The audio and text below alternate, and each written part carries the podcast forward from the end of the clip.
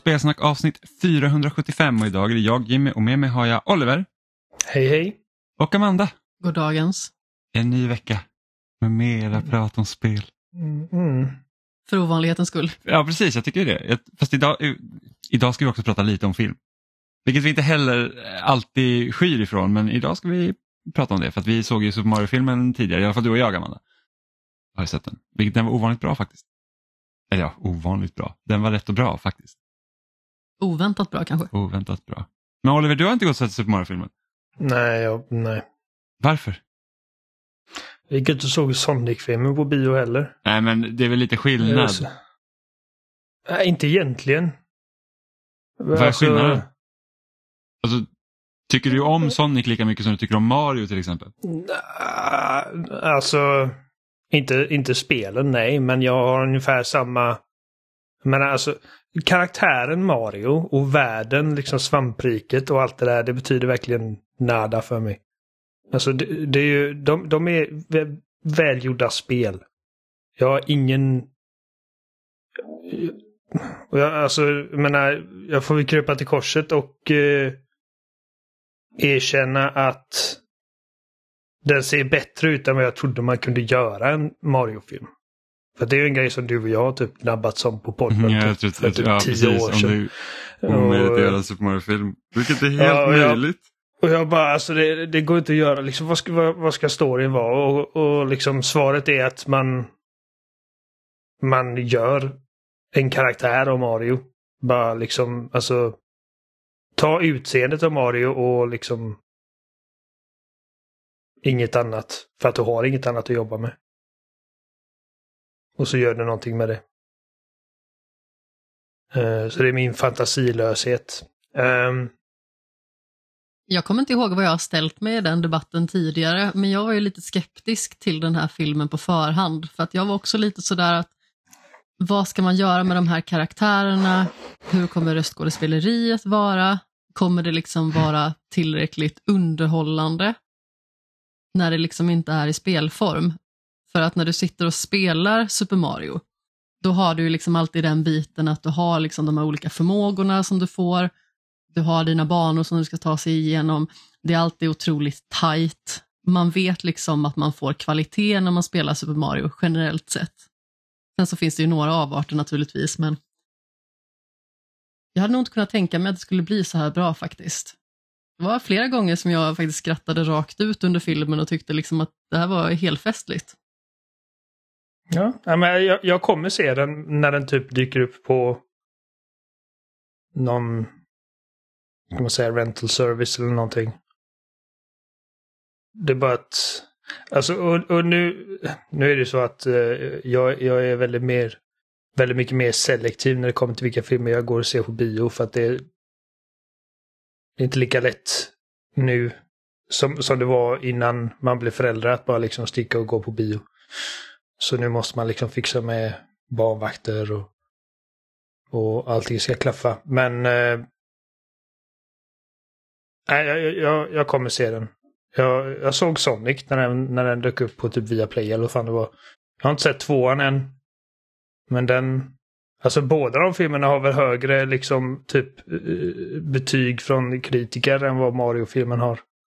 Jag har hört... Jag tror det.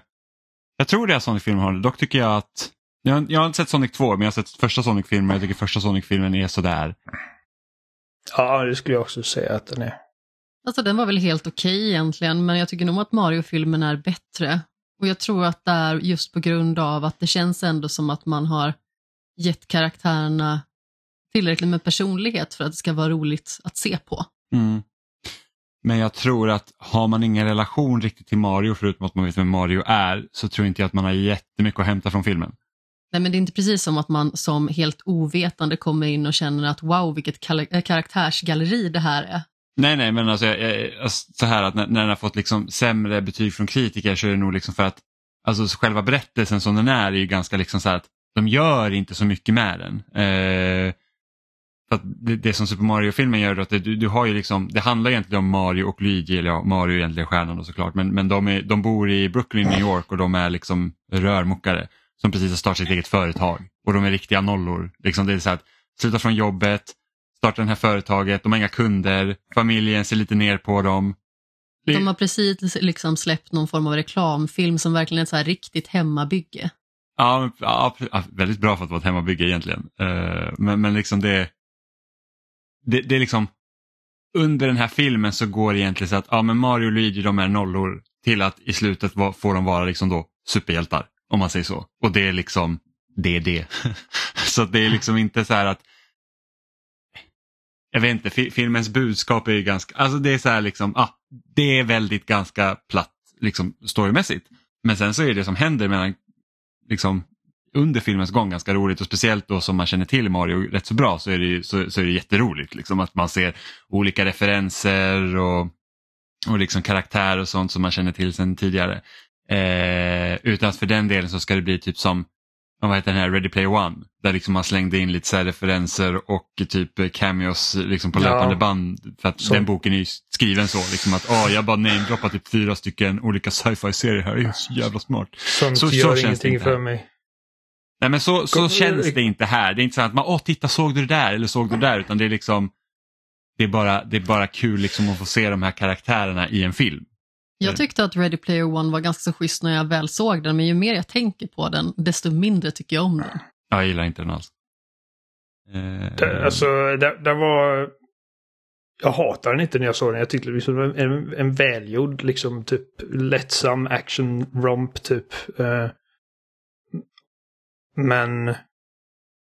Men det är som man, man slänger in alla de här liksom karaktärerna, de här referenserna utan liksom mycket tanke till liksom vad det betyder för de karaktärerna. Alltså kom du ihåg, alltså en av de bästa animerade filmerna som har gjorts, Järnjätten.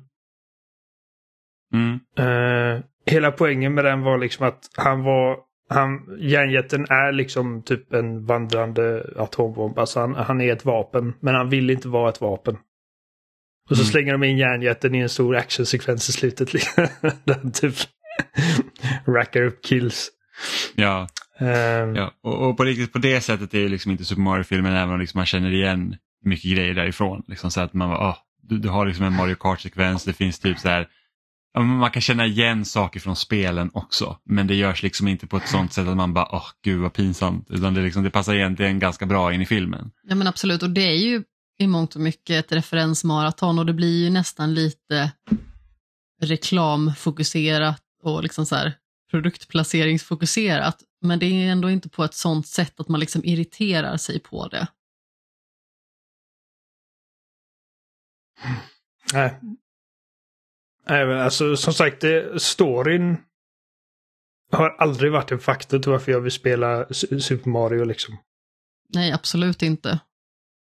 Och Så att, men nu har jag inte sett det så att jag, jag låter väldigt, väldigt judgy nu. För att jag kan ju liksom inte döma ut den innan jag har sett den. Men, men det känns som att det enda de har, har att arbeta med är liksom att få saker att se rätt ut. Det ska bara, inte, jag, ska, ja, jag ska inte säga att det riktigt är, det blir liksom inte riktigt så att det ska se rätt ut och bara det känns som typ Mario och då är det liksom bra. Utan jag tycker ändå de lyckas alltså inom de parametrar de bygger upp, liksom Mushroom Kingdom och liksom relationen de egentligen har till liksom den verkliga världen tycker jag ändå fungerar rätt så bra. Eh, och, och jag tycker också liksom, för grejen är att, att Bowser är ju skurken såklart. Eh, och han, han liksom är ju inte ute efter att göra han är inte ute efter att härska liksom över alla kungariken på grund av att han vill bara härska utan det är till så här, han, han är så kär i Peach. Så att det är liksom hans mål. Han vill gifta sig med henne och då, då, då liksom eh, stjäl han ju en av de här typ en, en, en, Superstars. En, en, ja, precis, en stjärna. Eh, för den ska han ge till Peach.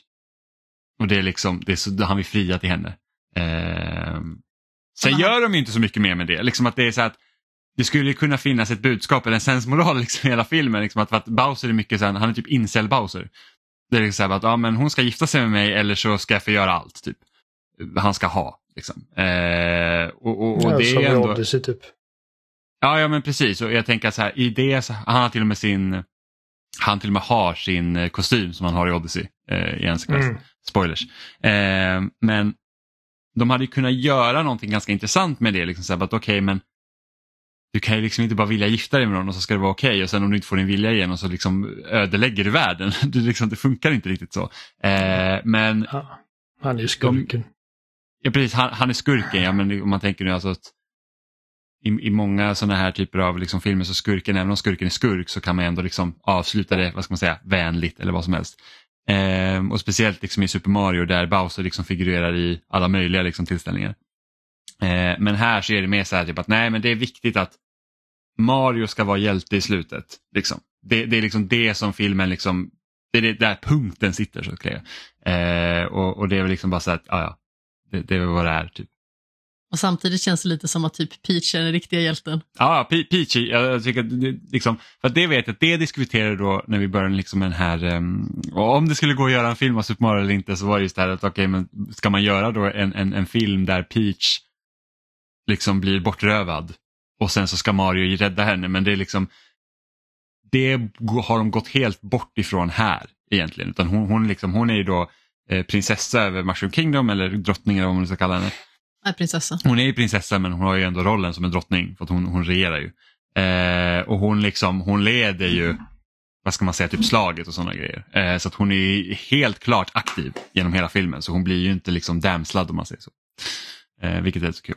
Och sen så, så här, ja men det är jättesynd, typ, så här, Luigi är med och han, han spelar med väldigt mycket liksom, från typ, Luigis mansion där att han är liksom rädd. Och det var så himla roligt i början av filmen så här, typ så här, Mario bara du kan inte vara rädd för allting Luigi och han bara ah du skulle bara veta. typ. Liksom sådana grejer som gör de ju. Eh, och de lånar liksom friskt. You'd be surprised. Ja, you'd be surprised. Så att de lånar väldigt mycket friskt från, från liksom så att man har ju fått se personligheter från vissa av karaktärerna liksom i alla de här spelen. Den enda egentligen som inte har någon personlighet är ju typ Mario för att han ska fungera för alla. Eh, och i filmen så tycker jag ändå att liksom, ha, han är liksom en han är en huvudperson liksom i, i en, typ, En helt vanlig kille. ja exakt en helt vanlig kille och jag tycker att det liksom funkar. Det är ingenting i filmen så jag känner att ah, jag känner inte att det där liksom är karaktärerna vi har spelat i, i, i flera år utan det är liksom, ja, den funkar. Eh, så att jag var också, jag var ju rädd att den skulle vara dålig men jag har också varit jättepepp på den hur länge som helst. Eh, men sen är det lite så att det är en Illumination-film och de tycker om att slänga in lite krystade skämt här och var för att nu måste det vara ett skämt och man var så här, okej okay, det där landar inte riktigt. Liksom. Eh, och sen en annan grej som är jättemärkligt i filmen det är ju det att de har ju tagit massa licensierad musik. Alltså inte då Mario-musiken utan liksom riktiga låtar från typ 80-talet. Och det är så här, Take on me. Ja men precis, Take on me och sen så var det ja, massa olika i alla fall. Och det är, typ så, det är så himla märkligt för att det blir lite så här, va? varför? Det är inte ens mod- alltså, tänker man, okej, okay, är det för kidsen idag? Så bara, nej, för att det är inte modern musik heller utan det är verkligen gamla dängor. Då är det väl typ för de här som, ja men vi spelar Mario på 80-talet så ska vi också köra 80-talsmusik. Eh, och sen så såg jag i Twitter-tråd att det var ju någon, det finns en remix där de använder så här Donkey Kong Country-temat och sen någon låt från eh, eh, Tropical Freeze som verkligen synkar med en hel sekvens i filmen där det är Take On Me tror jag det är till och med. Och det är så här bara, Jaha, det var nog meningen att den låten skulle vara där egentligen. Liksom. Så, att, så att det är lite konstigt för att när väl typ Mario-musik och sånt dyker upp i, i filmen så blir man, alltså man känner man bara åh det där är från Super Mario Galaxy så blir man lite så här, vad, vad härligt liksom. Eh, så att det är väl det som sticker ut mest skulle jag säga. Det är den liksom, eh, vad ska man säga, riktiga musiken. Alltså det känns ju någorlunda charmigt hur de har lagt in det men det känns också samtidigt malplacerat.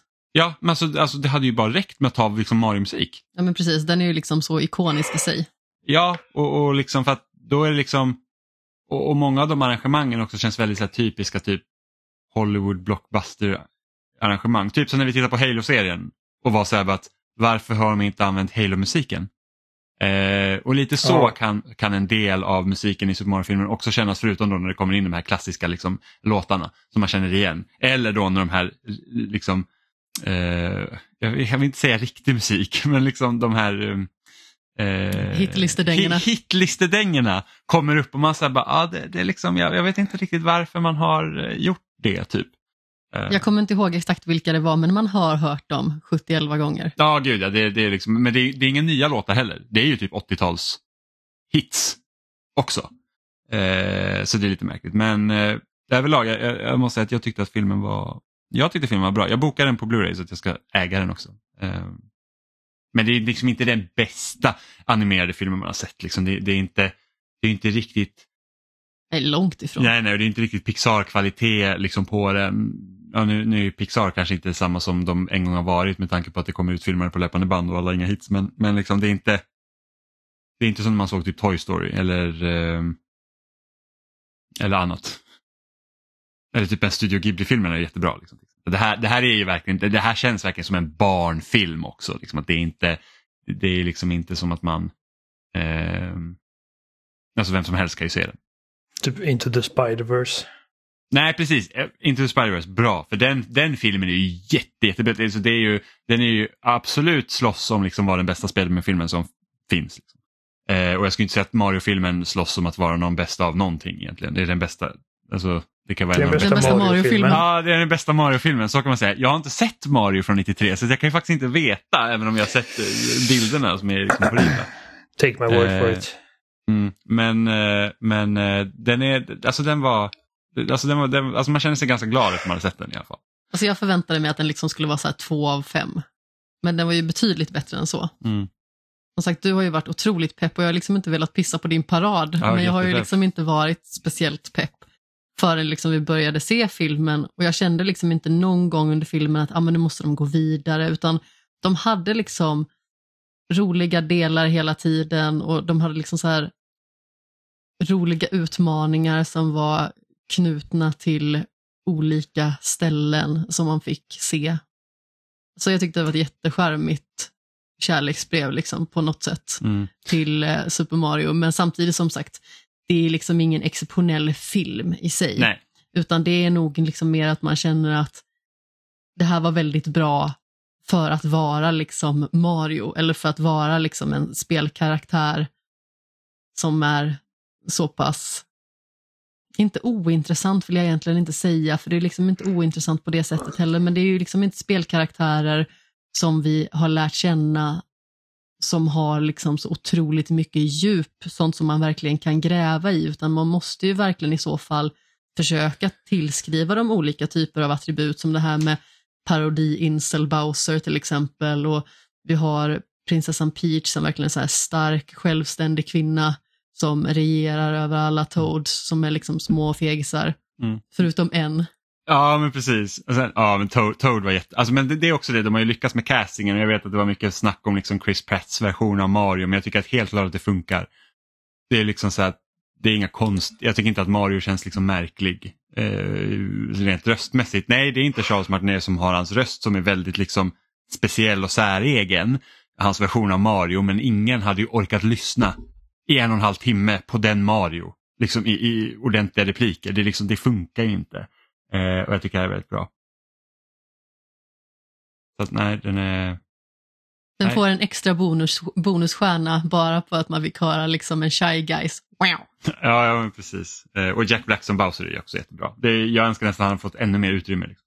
Ja men absolut, han fick vara med oväntat lite egentligen Mm. under hela filmens gång. Men de gånger som han var med var otroligt roliga. Och framförallt så finns det en låt i den här filmen som Jimmy har gått runt och sjungit på ända sedan vi såg den. Den fanns på Spotify också så jag har gått och lyssnat på den också. Och det känns lite som så här Jack Black jammar och har kommit på den här. Ja. Men typ, att man är typ, jag har ju sett ibland så vissa grejer som Jack Black ofta gör så här röster och sånt och sen liksom tränar, liksom, eller värmer upp rösten. Så sjunger han ju liksom och det är liksom lite nonsens och det är samma sak med den här låten. Det är liksom så här att man, här kommer refrängen men man vet inte riktigt vad man ska säga så man säger ett ord liksom hur länge som helst och sen så går man vidare. Så det, det är faktiskt väldigt roligt. Eh, nej men ja, pos- jag, ska inte, jag vet inte jag ska säga, jag är positivt överraskad heller. Jag var rädd att det skulle bli katastrof och det blev det inte. Så kan man väl säga. Jag är positivt överraskad. Ja, men det kan det vara. Men eh, det är ändå kul ändå att alltså, alltså, filmer baserade på spel, liksom börjar, att folk tar det lite mer på allvar. Liksom, att, att, att man liksom lägger mer större tanke på det än liksom typ ja, Mario-filmer från 93 som jag vet inte vem som tyckte att det var en bra idé och, och lite annat. Att den liksom, och det, det lär väl bli, de, alltså, filmer baserade på spel lär väl bli en typ nästa stora grej i Hollywood nu när liksom så här, ja men The Last of Us jättebra kritik har den fått. Mario-filmerna har dragit in hur mycket pengar som helst. Eh, Capcom tror jag sa i veckan att de skulle liksom, de är med och producerar en ny Street fighter film så vem vet hur det blir. Liksom. Men, eh, Wow. så att, eh, ja vi får se. Det lär ju säkert bli fler Mario-filmer, alltså antar jag. Och sen vet man ju inte om Ja. det kommer bli deras andra liksom IPn och grejer också. Eh, alltså, de lägger ju typ lite upp också för att det finns typ ett multiverse även liksom i, i Mario-världen då så att då kan det bli vad som helst. Vi har ju med Donkey Kong till exempel. Ja men Donkey Kong är, är ganska hårt knutet till Mario. Jo, jo men redan. precis, men, Men det är ju liksom inte bara Donkey Kong, utan det är ju liksom hela ja, den klanen. precis. Och, och kommer aldrig, jag, kan inte, jag kommer aldrig släppa att Donkey Kong skrattar som Seth Rogen nu. Det är liksom, det är där. och man bara, åh nej. Why? Så att, ja. Nej, men det ja, det var roligt, roligt att se den tycker jag. Men ja, vad har, vad har vi spelat den senaste veckan? Oliver, har du spelat något roligt? Ehm, ja, jag var, jag var ju uppe och hälsade på hos Stefan och han fick mig att testa Marvel Snap. Ja, vad tyckte du om Marvel Snap? Det är The faktiskt, bane of my existence. det är faktiskt kul. Ja, Um, jag, jag är inte världens bästa som Hearthstone har aldrig intresserat mig. Så kortspel överlag är, är, är jag inte, inte intresserad av. Så att när det händer så är det liksom um, en ana- anomaly snarare än liksom åh, här är ett nytt kortspel jag måste testa. Jag gillade Gwent i, i Witcher. Um, och här, är alltså, jag, jag känner att största styrkan är att det är, liksom, det, det är väldigt lätt att bara starta och komma in i direkt som ny spelare. Mm. För att det är liksom inte överkomplicerat och de håller det ganska smart i att de introducerar liksom nya element och nya regler och grejer eh, med tiden snarare än att dumpa allting på det på- en gång. Ehm, och jag tycker det är väldigt kul att liksom samla de här typ Marvel-karaktärerna i kort. Och, och att liksom successivt uppgradera dem. Ehm, och, och liksom ehm, teckningarna på de här korten är väldigt snygga. utom pixelvarianterna. Jag har inte sett några pixelkorten. Nej, de är fruktansvärda. Alltså det verkar man tänker så, ja, men pixel art på liksom Marvel-karaktärer, det kan ju bara bli en hit eller? Och så ser man dem och man bara, "Ugh, vad, vad är det? Ja. Ja, nej men. Så det, det har jag spelat lite grann och det, och satt lite på flygplatsen och spelat också. Så att Mm. det är Ja, jag- definitivt min go-to när det kommer till mobilspel i alla fall nu. Ja, ja, jag spelar ju Marvel Snap varje dag. Och gör mina dailies liksom. Och, och Mm. håller upp, alltså det är liksom, ja, och jag har också kommit till den punkten när jag, jag till och med säger, åh gud nu är metaspelet så himla tråkigt så typ alla spelar samma kort.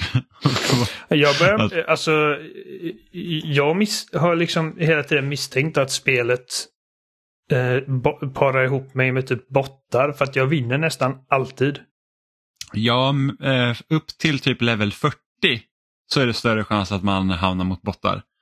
Eh, och sen, men du kan fortfarande, alltså är du på typ level 20 så kan du fortfarande möta bottar så det är inga problem. Eh, men ju högre upp du kommer i rank ju, ju mindre ju mindre chans blir det egentligen att du, du paras ihop med en bot utan då blir det mer och mer verkliga spelare och det kommer man märka också. Eh, så att ehm, men ibland kan det vara skönt att köra mot bottar för ibland så kan, har man haft en så jävla lång sträcka av att det går bara skit och så möter man mot någon bot och man bara yes, nu får jag vinna. Ja, nej, så att det... Ja, men det, det har varit roligt. Um, jag har även spelat eh, South Park, The Stick of Truth. Mm. Har du spelat med- det förut eller var det första Nej, gången? det är första gången. Och jag... eh, Alltså jag älskar ju South Park. Så att jag tror att det enda som har hållit mig tillbaka är liksom att det är ett... Eh, jag var nära på att säga turbaserat, men jag, jag vände mig om. Så inte Amanda attackerar mig. Eh, Jag hon, hon attackerar kom med med kniven i högsta hugg. Hon bara "Ah!" Omgångsbaserat. Eh, Mm. Turordningsbaserat. Rollspel. Ehm, så, för att det är verkligen inte min genre, om man säger så. Eh, men man kommer in i det ganska, ganska bra. Jag tror att alltså, timingen nu var bara, bara för att liksom jag, jag börjat, jag åter hamnat i en sån här South Park ehm, period. Där South Park är typ det jag kollar på när jag, när jag inte... Alltså det är så här min comfort food just nu. Mm. Eh, och jag bara kollade och såg att det låg på så här, det var på 75% rea. Jag bara okej, okay, så, så det är dags nu. Så jag startade. Och det är ju lite typ som, alltså det är verkligen gjort för att vara liksom ultimata liksom, drömspelet för en South Park-fan. För att du får göra din egen South Park-kid. Mm. Så här, the new kid on the block. Och du är granne med Butters. Butters är min favoritkaraktär. Du gillar Och- alltså Butters? Ja, eh, vem, vem gillar inte Butters? Alltså nu så här, jag har inte sett eh, South Park sedan jag typ gick i högstadiet. Eh, och då Butters byttes ju ut mot Kenny och jag gillade ju Kenny. Eh, eller Kenny byttes ut mot Butters. Så jag, jag, jag gillade inte Butters på grund av det. De, sam, de samexisterar nu. Eh, Ja, ja men det, det förstår jag också men det är så länge det. sedan jag såg. Eh, du, du såg, har eh, missat mycket bra grejer. Alltså, alltså Butters är... Han är underbar. Man vill bara... Han råkar, allt, han råkar ut för sån hemsk jävla skit och det är aldrig liksom... Han förstår aldrig riktigt allvaret i det och han är så pure. Ja, så att det är mysigt. Men alltså man, alltså man startar sin... Man gör sin South Park Kid och så flyttar man in här och så säger de bara men gå ut och liksom eh, träffa ungarna på, i grannskapet och du har någon form av bakgrund. Det finns en anledning till att du har fått flytta hit och du, du minns inte vad som har hänt så det är förmodligen någonting fucked up. mm. Och så går man ut och så har man liksom kartan över South Park och så kan man liksom se, okej, så där är Cartmans hus och där är Stan och Kyles hus och, och där borta längst ner på vid soptippen där bor Kenny. så det är liksom, man kan liksom kartlägga det här grannskapet som man har sett liksom i alla dessa år på tv. Ehm, och det är, eh, det är väldigt trevligt och alltså spelets writing är ju såklart det är ju där spelet skiner. ja. Eh, liksom allting är bara eh, absurt och, och nästan kränkande i vissa avseenden som South Park alltid är. Liksom dansar över typ och balanserar på linan över liksom vad som är okej att säga. Mm. Jag tror att anledningen till att South Park överlevt allt, liksom den här typ cancel culture-grejen är för att de, typ, de, de driver verkligen med allting. Det är ingen som är säker. Nej, men sen också det Eh. att de har hållit sig, eftersom sättet de eh, utvecklar showen på också så att de, de kan ju vara väldigt aktuella. Ja, Det är ju inte absolut. som att de så här att ah, men nu när vi pratar om det här, det hände för ett halvår sedan utan det är så här ah, men det här hände förra veckan. Mm. Eh, sen så jobbar de ju typ halvt om halvt ihjäl sig också på grund av det men det är ju det, och, det, och det är ju liksom egentligen de säsongerna jag har missat som där de liksom har varit mer aktuella och i framkant på liksom politiska händelser. Eh, och så. Ja, nej, så att eh, det, det har varit roligt och... Men jag tror, eh, jag, jag tror att jag... Jag hoppas att jag kommer ta mig igenom, att jag håller mitt liksom, intresse. För att nu är det, så- det är så mycket som fightas om din uppmärksamhet och din tid. Ja, det ska inte vara så långt, ska, du ska typ kunna klara det på 15 timmar. Ja, okej. Vilket inte är liksom långt för ett eh, rollspel egentligen. Så att, Nej. eh, jag vill minnas att det skulle vara, jag, jag vet att det var många som klagade över att de kände att det var lite för kort. Eh, och jag känner liksom att det kanske är positivt att inte ett spel är så långt. Ja. Men för att det är alltså... Som sagt, det är tvådimensionellt eftersom att jag menar, det, det måste vara det. Ifall det ska liksom se ut som South Park. Mm. Det hade känts konstigt att se liksom en 3D-modell av Cartman. Om jag tänker typ det hade sett ut som South, alltså det här typ, om man tänker så här det här eh, Simpsons hit and run. Ja, precis. Liksom typ den 3D-modellen fast av South Park. Det ser, Ja. det är bara konstigt. Uh, alltså att det, alltså, uh, ungarna är liksom mitt uppe i ett stort, alltså stort live i princip. Eh, och de krigar om the stick of truth, det är bara en pinne, men liksom i deras liksom headcanon eller där, det, den världen de har skapat för sig själva så är det liksom den som innehar the stick of truth har liksom oändlig makt i princip. Mm. Eh, och det är uppdelat i eh, människor mot alver. Så du, så du hamnar på människornas sida och Cartman är den som leder den sidan. Jag har inte träffat Stan och Kyle än. Så jag vet inte Mm. vilken sida de är på. Men de använder de här karaktärerna väldigt väl. ehm, med liksom allting som man känner till om dem och sätter dem i liksom roliga fantasy-situationer. Så vid något tillfälle så säger de liksom att ah, vi måste gå och hitta The Bard och alla bara fryser till och bara The Bard. Och man bara, vem kan detta vara? Och sen så är det liksom kul när det avslöjas vem det är. Och, um, och det, det är ju det är väldigt liksom kiss och bajshumor. Liksom, det är typ magi, magiattacker i det här spelet. Det är bara fjärtar i princip. Din favorit. Ja, precis. Ehm, och man hamnar liksom i helt galna situationer. Och de håller sig inte liksom strikt till det här fantasy-temat utan liksom första natten när man ska gå hem och lägga sig så blir man kidnappad av de här aliensen från, från första säsongen. Och de probar Ja. dig. Och så är plötsligt så lyckas du använda den här proben som sitter i röven på dig för att liksom det blir som en ny ability för dig. och eh, ja, det- är väldigt roligt. Det är, liksom, det, det är ju skrivet av eh,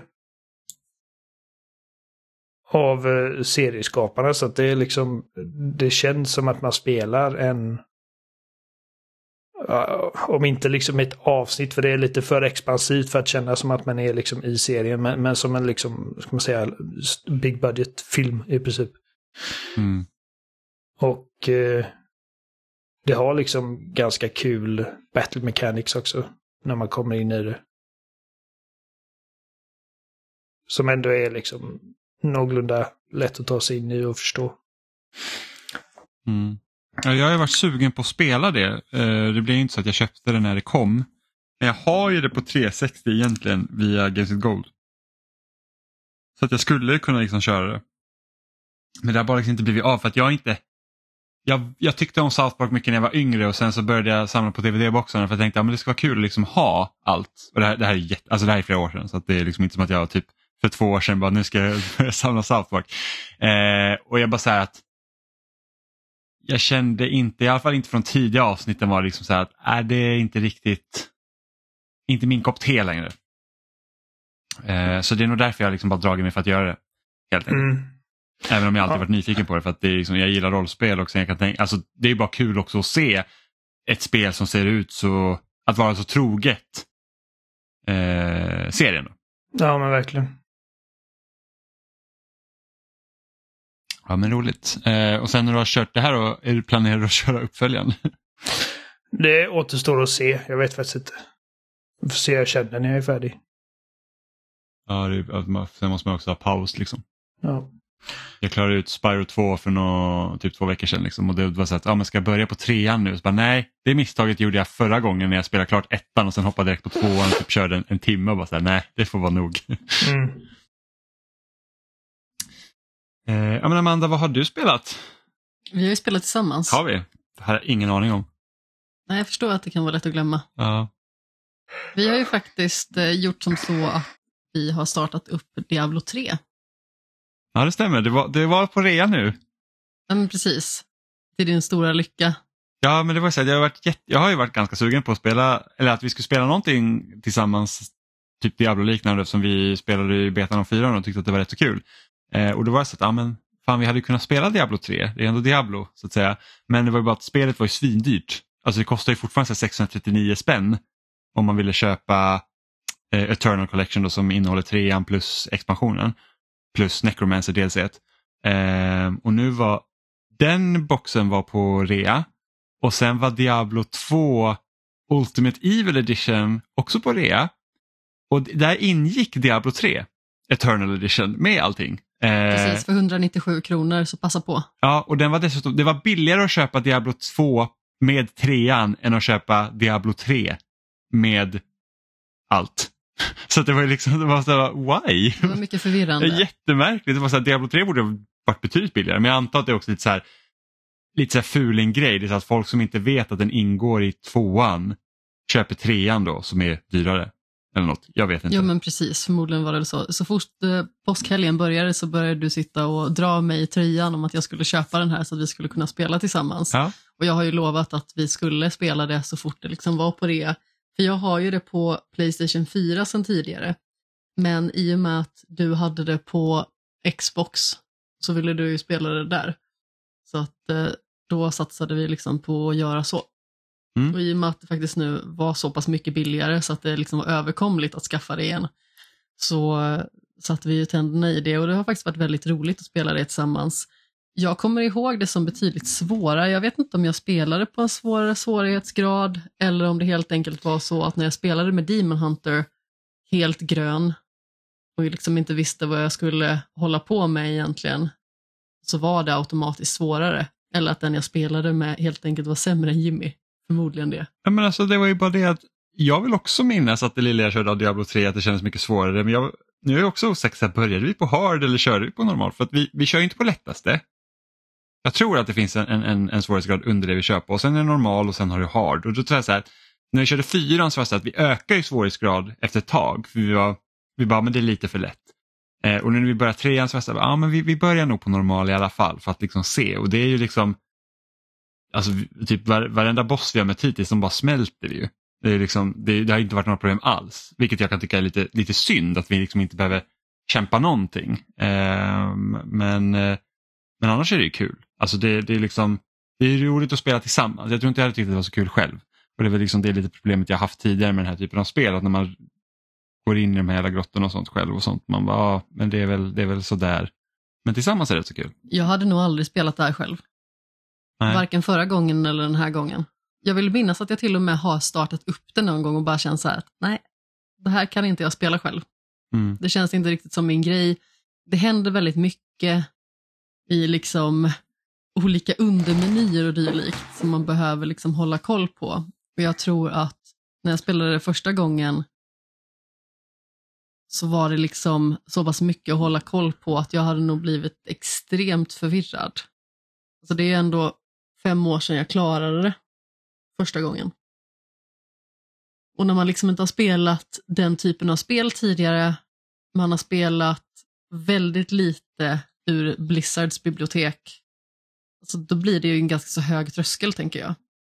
Och nu liksom när vi dels har Diablo 4-betan väldigt färskt i minnet och man dels har spelat igenom hela spelet en gång tidigare så blir det ju mycket mer överkomligt. Man vet vad man kan slänga, man vet vad man liksom kan laborera med för att få det så effektivt som möjligt. Det blir liksom en helt annan upplevelse så det kan helt enkelt vara att det var så mycket lättare den här gången bara för att man visste vad man skulle göra egentligen. Mm. Plus att som sagt, vi spelar tillsammans och vi har varit ganska så bra båda två på att optimera båda våra karaktärer. Framförallt du, du är ännu bättre på sånt än vad jag är. Du med din galna resurshantering och dylik, liksom när du ska sätta ihop din karaktär. Och du har ju eh, dessutom eh, Necromancer. Varför valde du den? Alltså jag brukar alltid köra, som sagt det här pratar vi redan om i Diablo 4, men jag brukar alltid köra som liksom eh, som svärdsgubben eller liksom soldaten eller eh, riddaren eller vad som helst. Och så tänkte jag men det var kul att köra Sorcerer i Diablo 4-betan så jag tänkte jag ska köra någonting annat den här gången också. Så då tog jag Necromancer för det var också en klass jag var intresserad av när vi körde Diablo 4. Eh, och jag tänkte ja men istället för att jag typ kör Barbarian eller, eller något annat liksom stort uh, buffel, uh, stor buffel så tänkte jag men jag tar den här Necromancer istället och det har varit faktiskt väldigt roligt. Uh, och sen den klassen är ju väldigt stark dessutom för att jag har ju typ, ja, men förutom att man kan typ ta upp så här döingar som hjälper en att slåss så, så har jag också en skill nu så att när jag dödar fiender så, så kan jag liksom, då har jag en magiattack som gör att deras lik som de lämnar efter sig sprängs. Och det rensar ju typ skärmen. Alltså det är typ man går in, man dödar några stycken och sen så bara, puff, puff, puff. alltså det är typ bara stänker blod och grejer så att det, det är helt galet. Ja men verkligen. Och när vi dessutom spelar tillsammans så har våra respektive förmågor, alltså jag kan knappt se att någon fiende skulle kunna rå på oss.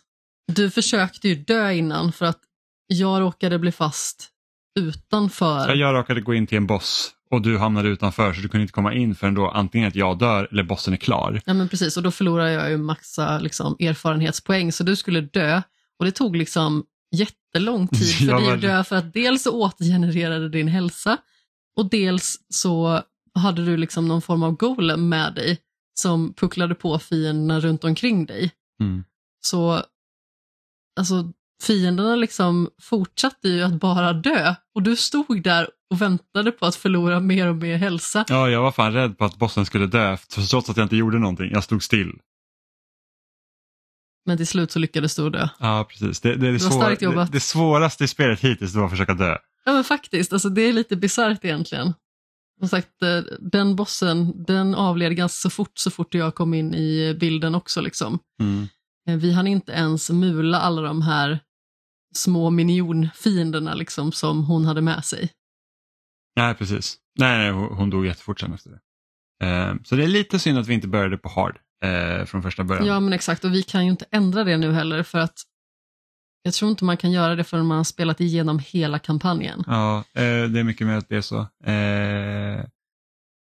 Men det är svårt att veta liksom. Eh, Ja eftersom- men precis, hur ska man veta? För att återigen, både du och jag hade ju minnesbilden av Diablo 3 var mycket svårare än Diablo 4. När vi spelade Diablo 4, då kom vi liksom på några timmar in att ja fast det blir ju nästan fånigt det här. Mm. Alltså vi typ tittar på fienderna så dör de. Ja, och när vi ökade då till hard på Diablo 4 så kändes det ändå liksom, alltså det var fortfarande inte svårt, men det var ändå lite mer tuggmotstånd. Ja men precis, det var lite tuggmotstånd men det är fortfarande inte så jättestor utmaning som man hade kunnat förvänta Nej. sig att spela på hard. Dock när jag spelade själv, alltså när jag försökte få upp båda våra karaktärer till level 20 Precis, då, för när jag gick och jobbade. Ja, när du började jobba ja, och jag var så här, ah, då, då fick jag ju möta bossar själv. Liksom. Och då fick man ju liksom använda sina skills och, och, och liksom verkligen så här att okej men nu måste jag använda de här, de här förmågorna för att ja, den här bossen gör de här, de här attackerna. Liksom. Så då behövde jag vara mycket mer eh, aktsam. Medan liksom här, så, ja, men som sagt jag kunde stå inne tillsammans med bossen och bli attackerad och den nästan dog innan jag. Jo men exakt.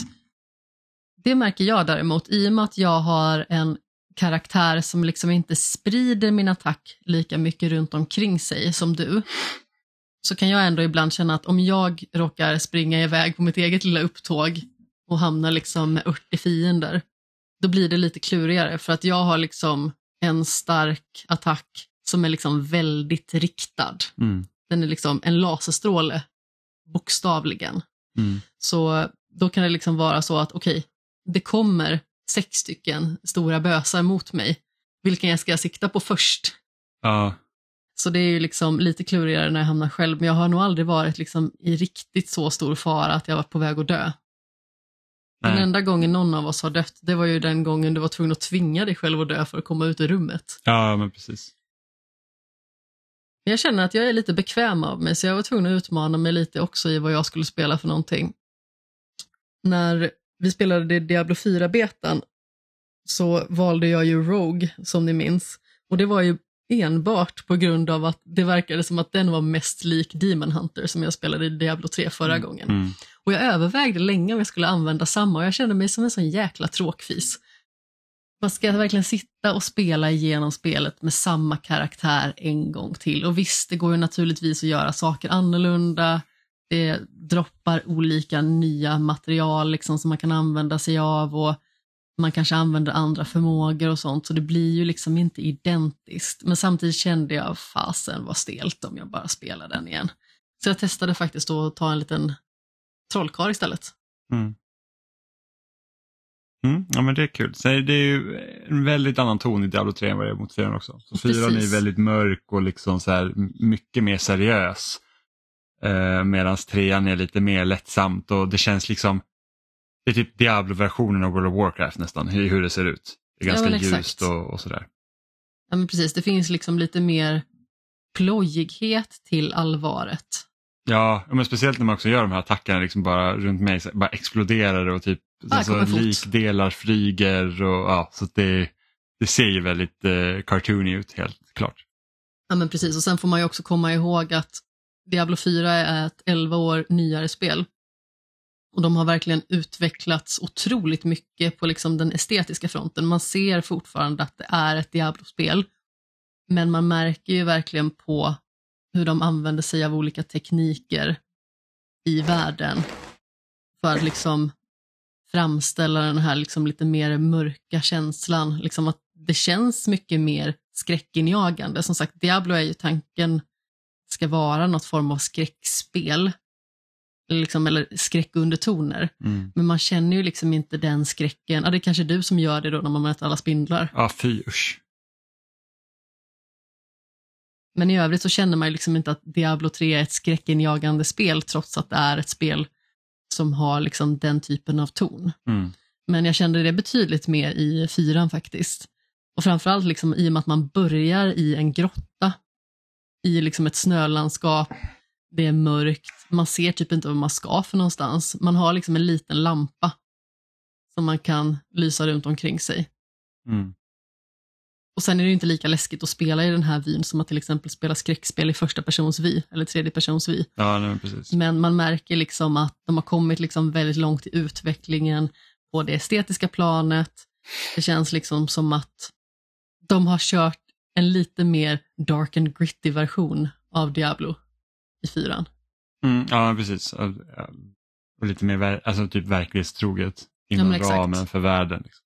Men rent estetiskt så ser det ju betydligt mer verklighetstroget ut Ja, också. gud ja. Gud, ja. Fantastiskt snyggt. Mm, ja, precis. Fyran var ju verkligen, alltså det, det är alltså jätte, jättefint. Och trean är ju liksom inte på något sätt fult, men som sagt, det är liksom en helt annan estetisk framtoning. Ja, men det är fulare än vad jag tänkte att det skulle vara. Alltså när, när vi startade Diablo 3 första gången var jag så här, var det verkligen så här fult? Liksom, eller ja, fult. Såg det verkligen så gammalt ut? Jag tycker inte att det ser så jättegammalt ut. Återigen, som sagt, det är ett spel som släpptes 2012 och de har väl snofsat till det lite på sina håll i och med att det liksom har kommit nyutgåva på nyutgåva. Men jag tycker inte att det ser så hiskeligt ut. Det är väl karaktärerna som ser lite Ja, ja uppiga men det är ut. väl lite det jag menar också. Man, så här, man startar spelet och möter den här skärmen där ens karaktär står och man bara uh. Lite så, Får jag byta ut dig? faktiskt. Ja, de är inte jättefagra. Men eh, det märks ju liksom också även på röstskådespeleriet och sånt att det har utvecklats under den tiden. För det känns inte lika styltigt i fyran som det gör i trean. Alltså, jag tycker ju inte att det liksom är dåligt röstskådespeleri i trean, men det känns verkligen läst på många håll. Lite teater nästan. Lite överdramatiskt. Mm, ja men precis, det känns som att man, man liksom lyssnar på någon som be- berättar ur en bok. Och det, det behöver inte vara negativt heller. Det liksom känns inte som att det Men, men det, som sagt, jag har ju redan sedan tidigare liksom lite svårare att ta mig till så här berättelse och karaktärerna i den här vyn av någon anledning.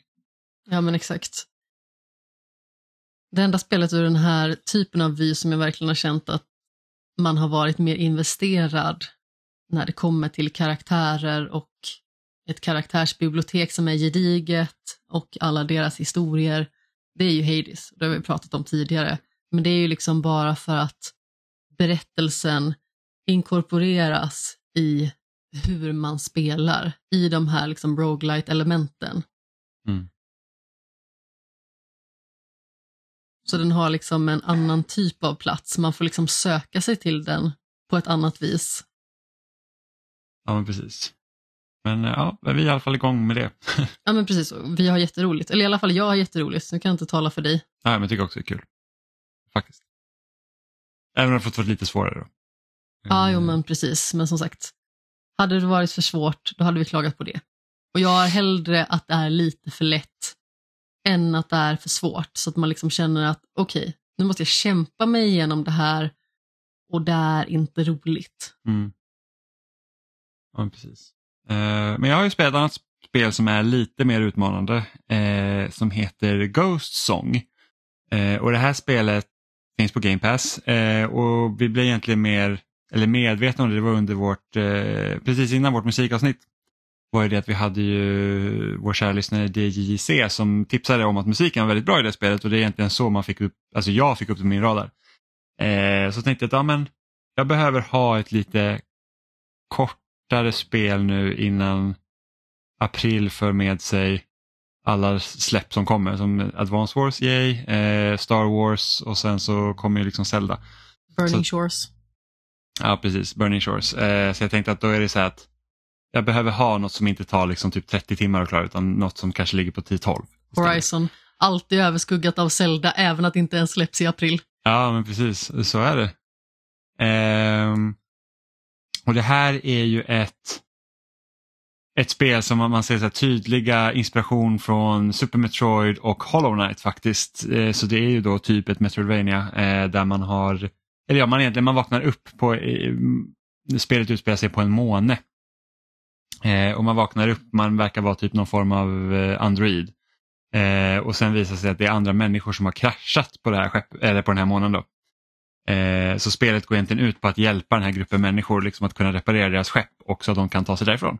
Samtidigt som man typ lär sig själv vad man är för någonting. För att man liksom, ett av spelets mysterier är att man liksom inte vet riktigt hur man själv kom dit. Vem, ja, precis. Man vet inte hur man själv kom dit eller ens vem man är. Nu, nu misstänker jag att man faktiskt är en robot eh, och det liksom hintas ju ganska tydligt genom liksom spelets gång men, men, men kan inte veta säkert. Och, och det som egentligen är ganska spännande för hur karaktären är här att den, eftersom den inte själv vet vad den är för någonting så liksom kommer så här att ja, men, typ så här, ah, jag ska lära mig att vissla och sen så bara oj men jag kanske inte har några läppar, jag kanske inte kan vissla, jag kanske inte ens vågar prova för att man vill liksom inte veta. Liksom, om nu typ en stor, stor farhåga är att man liksom inte då är, finns på riktigt så vill man inte veta att man är det. Till exempel. Blir det som när jag försöker göra pruttljud med munnen? Ja men precis, lite så. Eh, så så det, det är liksom rent så här, ja, men så här, premissen är väl, det är väl inte världens mest unika premiss men det är ändå tillräckligt eh, för att det ska liksom vara, vara lite spännande i alla fall. Um, men så då då är det liksom, och den eh, karaktären man styr och den har liksom en kanonarm precis som Samus till exempel. Så det, det är liksom, man ser ju vart inspirationen kommer ifrån. Eh, och sen har den liksom tagit det här systemet från Hollow Knight att man, man liksom installerar olika moduler på sig så att man kan ha man kan ha x antal grejer installerade samtidigt då, beroende på vilken eh, eh, powernivå man har. Då. Så att man, man, liksom, man, när man dödar fiender så får man sådana här nanobytes eller vad det nu heter och så kan man uppgradera sig själv i olika stationer. Så det de har ju också liksom hämtat lite så Dark Souls-grejen att ja, men du, har, du, du liksom levlar inte upp genom att samla på dig XP utan du har den här eh, valutan egentligen som du går till en uppgraderingsstation och sen så bankar du in den och dör du så, så liksom tappar du allting och så får du liksom gå och hämta upp det igen. Eh, och det är väl inte alltid jag tyckte att det är liksom positivt för att de här uppgraderingsstationerna är ganska långt ifrån varandra eh, och det gör att man under vissa liksom, tillfällen kanske springer på väldigt mycket sådana här olika nanobytes eller vad det nu heter. Eh, och liksom så att, oh, ska jag springa tillbaka och banka in dem här nu? Sånt. Så det, det är liksom så att varenda spel kanske inte behöver låna grejer från Dark Souls. Eh, men sen när man har fått lite uppgraderingar och man blir lite starkare så blir det liksom ett mindre av ett problem eftersom det är lättare att ta sig överallt, liksom både på banan och liksom fram och tillbaka och sånt. Eh, men en speciell grej med det här spelet också det är att det är i princip helt öppet också. När du har fått de här, det är fem olika skeppsdelar som du ska leta efter då. Då är du egentligen fri att gå till vilken av dem som helst och hämta dem så du behöver inte ta dem i en viss ordning även om spelet rekommenderar dig att ja, men, gå till den här först för att det är väl antagligen lättast. Men du behöver inte. Eh, sen är inte kartan helt lätt att navigera också för att det är typ vissa korridorer liksom som är eh, över, alltså det, det är svårt att avläsa hur exakt rummen kom, ser ut liksom bara genom kartan. Eh, vilket gör att man i alla fall till en början då när man inte har liksom typ så här dubbelhopp och kan hoppa på väggar och lite sådana grejer som gör att det är lite svårare att ta sig någonstans. Så, så ofta var det så att ah, men jag springer till ett ställe och så bara fan här kommer jag inte upp så måste jag hitta liksom en annan väg runt. Och det var tredje gången jag kommer till det här rummet för jag har bara glömt bort att det är det som rummet som är här. Eh, så att lite sådana så små eh, grejer eh, är lite störigt. Eh, men annars så tycker jag om det. Jag tycker att det det, det träffar inte lika som Hollow Knight gjorde för jag tycker liksom att mycket av det som Hollow Knight gör bra det är att liksom världen känns eh, bättre sammansatt och liksom det här upptäckarglädjen liksom att hitta nya områden och liksom spelet bara växte och växte hela tiden. Eh, och det här spelet är liksom lite mindre i scope. Eh, men det gör ändå liksom så här, typ Metroidvania-aktigt liksom bra. Eh, tycker jag då. Eh, sen är det väl lite så här att ja, det är rätt så utmanande många gånger och eh, ibland så kan jag tycka att typ eh, fiendernas hitboxar och sånt kan vara lite orättvisa och sånt. Så det, det är lite små, små saker man kan irritera sig på. Eh, men annars är det, tycker jag ändå att det är väldigt bra.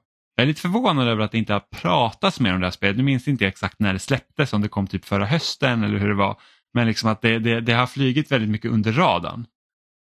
Um. Ja, jag tror att jag hörde det första gången liksom i eh, Svamppodd när Linus pratade om det. Minns inte exakt när det var eller om han faktiskt spelade det i år, men jag tror att det släpptes i slutet av förra året. Eller kanske på hösten då.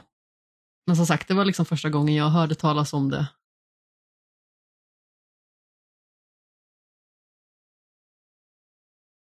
Ja, en del, det lär jag i alla fall klara ut tror jag. Jag har ändå kommit nog över hälften. Jag har väl spelat en typ sju timmar eller något sånt. 3 november släpptes det. Oj, det var så pass sent och då är det inte så konstigt. Eh, då kom det liksom mitt i smeten av allt annat. Så att det är ju, ja. Ja, nej men då, då, det var ju då man liksom, jag har fortfarande typ inte spelat Pentiment heller, liksom som jag har vänt, haft typ installerat hur länge som helst, för att jag vill verkligen spela det. Ja, men precis. Jag har ju också installerat, men jag har inte rört det överhuvudtaget. Men eh, när jag väl hade i åtanke att försöka ta mig an det så var det också så att jag spelade en hel del Vampire Survivors istället. Ja. Som liksom har ett helt annat tempo. Jag kände liksom att Pentiments tempo kanske inte riktigt passade mig just då. Nej. Nej, man måste, alltså, när det kommer till sådana typ väldigt mycket så här dialogdrivna spelare kräver att man läser mycket, då måste man vara i ett visst liksom, modus för att ta sig an det känner jag. Ja men precis, och i samma veva så spelade jag det här I was a teenage exocolonist som var ett av mina favoritspel från i fjol. Och jag kände ändå att där är det ganska så mycket läsning, det är ganska så mycket dialogval som man gör och sånt. Men samtidigt så hade det liksom tillräckligt mycket spelighet för att det skulle vägas upp. Och att gå från det till ett spel där man i mångt och mycket nästan bara läser. Alltså det är så mycket information som man får inpräntat och dessutom så är det typ 20 timmar långt. Det kändes liksom som en väldigt hög tröskel att ta sig över. Mm. Jo men så är det ju. Eh, men Ghostsong är bra, det finns på, jag vet inte om det finns på Playstation lär ju definitivt finnas på PC i alla fall. Eh, men annars så finns det på Game Pass. Eh, så det är det jag spelar. Ja, jag, eh, jag tror det är allt vi hade för den här veckan. va? Eller har ni någonting annat som har dykt upp under tiden? Jag vet inte riktigt om jag har någonting mer att tillägga. Jag har tänkt att börja Horizon igen. Mm. I lagom tid inför Burning Shores. Se liksom hur bra det går. Jag hade ju tänkt att kanske ta Platinum med det, men samtidigt som jag har andra spel som jag väldigt gärna vill ta mig an också. Jag fortsatte ju med The Last Spell till exempel som eh, är otroligt utmanande och som jag eh, skallade en vägg i tidigare. Jag har också Dredge som du spelade som jag är jättesugen Ja. på. Ja, det, det, det klarade jag ut också under veckan så det, det, och det var verkligen kanon tycker jag från början till slut. Det blir lite så här tradigt mot slutet men det är så att man åker väldigt mycket fram och tillbaka och sådär. Men eh, det var verkligen ett, ett, eh, en positiv överraskning. Eh, från att jag egentligen inte har känt till det alls till att så här, oj det ser kul ut och sen så ja, Ja men precis, du hade mig vid fiska av någon anledning. ja, ja precis. Jag pratade med en kollega på jobbet och var så här, typ, att, ja, men vad spelar du nu för tiden? Så berättade jag om Dredge. Bara, det är ett fiskespel, liksom. åker runt i sin båt så fiskar man lite men det är liksom inte det är ingen skill egentligen i fiskandet heller utan det handlar mer om att liksom hitta olika typer och sen så typ förstå liksom mysteriet på den här ön man är, eller den här världen man är typ i. Så han bara, ah, han bara ah, det låter ju inte så kul. Jag bara, Nej jag vet, det låter inte roligt men det är väldigt roligt. Eh, och jag är ju inte sån här som bara typ så dyker ner i fiskande i spel. Jag tycker att det är ofta ganska tråkigt. Ja, tydligen så har jag ju blivit den personen. Ja, men jag hade en kompis när, när jag liksom gick i grundskolan så var det så här typ att ja, men han bara, ja, men kan inte du spela fram i Zelda dit, dit man får fiska så kan jag ta över. I Ocarina of Time. Ja, Ocarina of Time, Twilight Princess, det var liksom så här, fiskandet var, var, liksom, det var det allt den här personen ville spela. Man var så här, why? Det är ju inte det roligaste i spelet.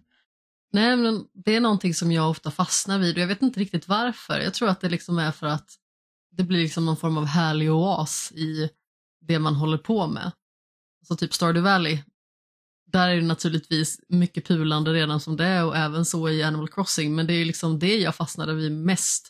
Förmodligen för att det liksom kan generera ganska mycket kosing som man kan använda till annat. Men eh, alltså, även i Nier Automata stod jag och fiskade länge, Varför fiskar du ner automata? för att man kunde. Ja, men, oh my god. Sen så var det typ så här att man skulle fånga om det var x antal olika fisksorter. Den trofén ville jag ha. Ja, okej. Förstår. Gillar du att fiska i spel Oliver? Eh, Det beror på spelet. Det, Så- Nier Automata var det inte så kul i. Jag ska faktiskt eh, erkänna att det var inte så jättekul. Man fick ju fiska med sin sån lilla podd. Ja, precis. Eh, inte världens mest liksom utstuderade fiskesystem. Däremot så gillar jag fiska i, i Red Dead. För där känns det som att man verkligen fick brottas med dem. Och det var tillfredsställande att hitta de här legendariska fiskarna. Man var tvungen att ha olika rätt flöten och Far Cry 5 hade rätt roligt fiske också. Jag, jag har faktiskt inte spelat Far Cry 5. Nej. Jag äger spelet och jag köpte det typ på en rea efter att jag hade spelat vad fan hette det? Det var den här typ spin-off eh, varianten av femman. New Dawn eller något sånt. Jag Ja. bara, ah, men det, det, var ju, det var väl ändå helt okej det spelet. Jag tänkte då kan jag lika bra köra femman och så köpte jag femman och sen spelade. En sak jag funderat på lite när det gäller fiske, är det någonting man liksom fortfarande gör på typ så här friluftsdagar och sånt i skolan? Det minns jag från när jag var tonåring eller yngre än så. Att då var det liksom så här friluftsdagar, man hade en aktivitet på förmiddagen och en på eftermiddagen och ofta så var det liksom typ så här, man fick välja fiske eller diskgolf eller ibland bowling till och med, volleyboll, alltså allt möjligt hade vi liksom att tillgå. Fiskar man fortfarande? Gör dagens ungdom det? Jag är jättenyfiken. Ja, I dagens skolvärld där typ varenda skola dras med eh, indragna pengar så nej det tror jag inte. Men alltså, man fick ju ha med sig eget fiskespö, det var ju inte något man fick låna. Jaha, vi hade, eh, min första skola jag gick på, där fick vi låna fiskespön och sånt från den skolan men det var bara för att den låg precis inte i en sjö. Eh, sen när vi flyttade till Enköping och gick i den kommunala skolan så var det inget fiske på tapeten. Jag hade ett kastspö när jag var liten. Så, Ja, men precis. Alltså, jag var ute och fiskade lite grann med framförallt morfar då, men även eh, mormor när hon var i livet. Och eh, alltså, det är ju ganska så mysigt ändå.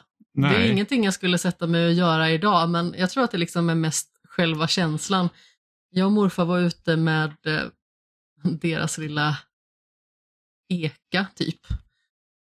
Och då fick jag en eh, gädda på kroken och det var inte lika roligt. Sur som fan var den. Det låter Ful jätteroligt också. att få en gädda på kroken. Ja, men jag tappade den. Ja, okej. Jag såg fisk- bara dess tapp- fula anlete liksom, tapp- och sen så släppte den. tappade, ja, den släppte, du tappade inte hela fiskespöet, den bara drog med dig ut i vattnet. Ja, men precis. Det var som en sån här tecknad sekvens när båten åkte efter gäddan. Ja, men precis. Ja, nej. Eh, jag tycker ju fiska är skittråkigt. Så att eh, även, i, även på riktigt som i spel. Så att, eh, Till vardags och på fest. ja, men precis. Äh, nej men alltså, jag tror inte att jag hade satt mig och fiskat idag direkt. Och att meta är väl kanske inte min grej, utan det är väl i så fall att man har ett kastspö och liksom står någonstans där man faktiskt eh, kan jobba till sig en lite större fisk. Som inte är en sån här eh, lillfinger stor i stort sett. Jag älskade Men, att fiska ja. med mina kompisar. Ja, men man gjorde ju det liksom när man var liten ändå. Jag var typ 18, men Ja, jo, men alltså, när fiskade jag senast? Jag kanske kunde varit så här 14, 15, men när jag började gymnasiet så var det inte precis som att vi hade fiske på friluftsdagarna, utan när vi hade sån här typ aktivitetsdag, då var det typ att man fick välja att eh, åka till exempel och åka skidor. mm. Då gjorde man ju det. Eller jag gjorde det i alla fall. Sen så hade vi sådana dagar naturligtvis i grundskolan också. Men då var det liksom ofta att man fick välja typ att åka iväg och åka skidor eller att typ vara i simhallen eller någonting sånt. Men då var det liksom mer så här inomhusaktiviteter. Mm. Ja, nej. Men det var väl allt vi hade för idag innan vi spinner vidare på fler sådana här skolutflykter. Ja, jag ber om ursäkt, men om det är någon som har barn liksom i skolålder, alltså typ kanske 7 till 17, jag vet inte. Eh, skriv in, jag vill jättegärna veta om man fortfarande har fiske på friluftsdagen. Ja, gör det. Eller om man typ har Pokémon Go istället. Ja. Det känns, lite, det känns lite som den tiden har kommit och gått tror jag för att, liksom att någon, någon klämkäck vuxen ska sätta in det på schemat på en friluftsdag. Jag försökte vara rolig, men okej. Ja, men jag, jag, jag, jag slår vad om att det har hänt. Att när Pokémon Go liksom var som störst och typ, eller det är fortfarande stort, men liksom typ att ja, men inom typ spannet av två, tre år när det var stort så kan jag helt klart tänka mig att man hade det i skolan. Så att, ja, typ att Pokémon det Go. får ungdomarna att röra på sig. Ja, alltså det var ju så kul att lyssna på typ alla eh, alla medieforskarna på universitetet. Liksom så här, typ, ah, det var Pokémon Go, de var, de var helt liksom lyriska över det här typ online-fenomenet. Man säger bara, ja, det är ett spel. Eller typ Fortnite var också så här, de bara, ah, men ungar de, de, de liksom umgås i spelet, det här är helt nytt. Och man bara, så, nej, jag har umgås i spel sen vi typ kunde spela online. Liksom. Eh, ja, så det, och det är typ därför man läser man mycket om spelforskning. I alla fall när jag, när jag gick in på universitetet så var det mycket så här World of Warcraft och Second Life. Eh, och så, så Second Life har inte varit så här aktuellt på typ 15 år. Men det är bara det att det tar så lång tid att skriva de här hela eh, forskningsartiklarna så att det, det är det man får läsa. Eh, ja, men ni hittar oss som vanligt på spesat.com och där finns också länkar till alla ställen vi finns som Instagram, Facebook, Youtube, eh, Spotify, Apple Podcast och RSS-flöden. Ni kan också mejla till oss på kontaktetspelsnack.com eller byta ut kontakt mot något av våra förnamn, spelsnack.com och ni har synpunkter, vill fråga någonting eller tycker att vi ska prata om något speciellt så hör gärna av er. Eh, ni kan också hitta oss på loading.se såklart. Eh, och vi hörs ju som vanligt i era öron varje onsdag. Så hörs vi igen nästa vecka. Hej då! Puss i ljumsken. Hej då.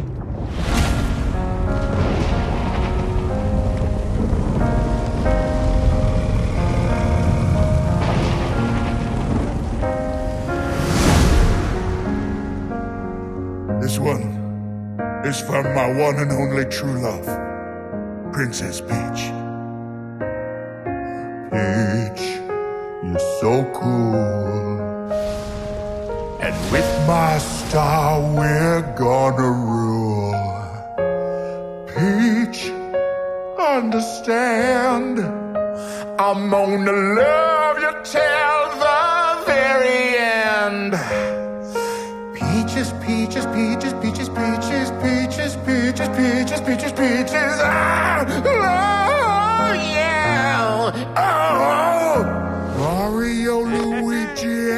Donkey Kong too. A thousand troops of Koopas couldn't keep me from you. Princess Peach at the end of the line. I'll make you mine. Oh. Peaches, peaches, peaches, peaches, peaches, peaches, peaches, peaches, peaches, peaches. Ah,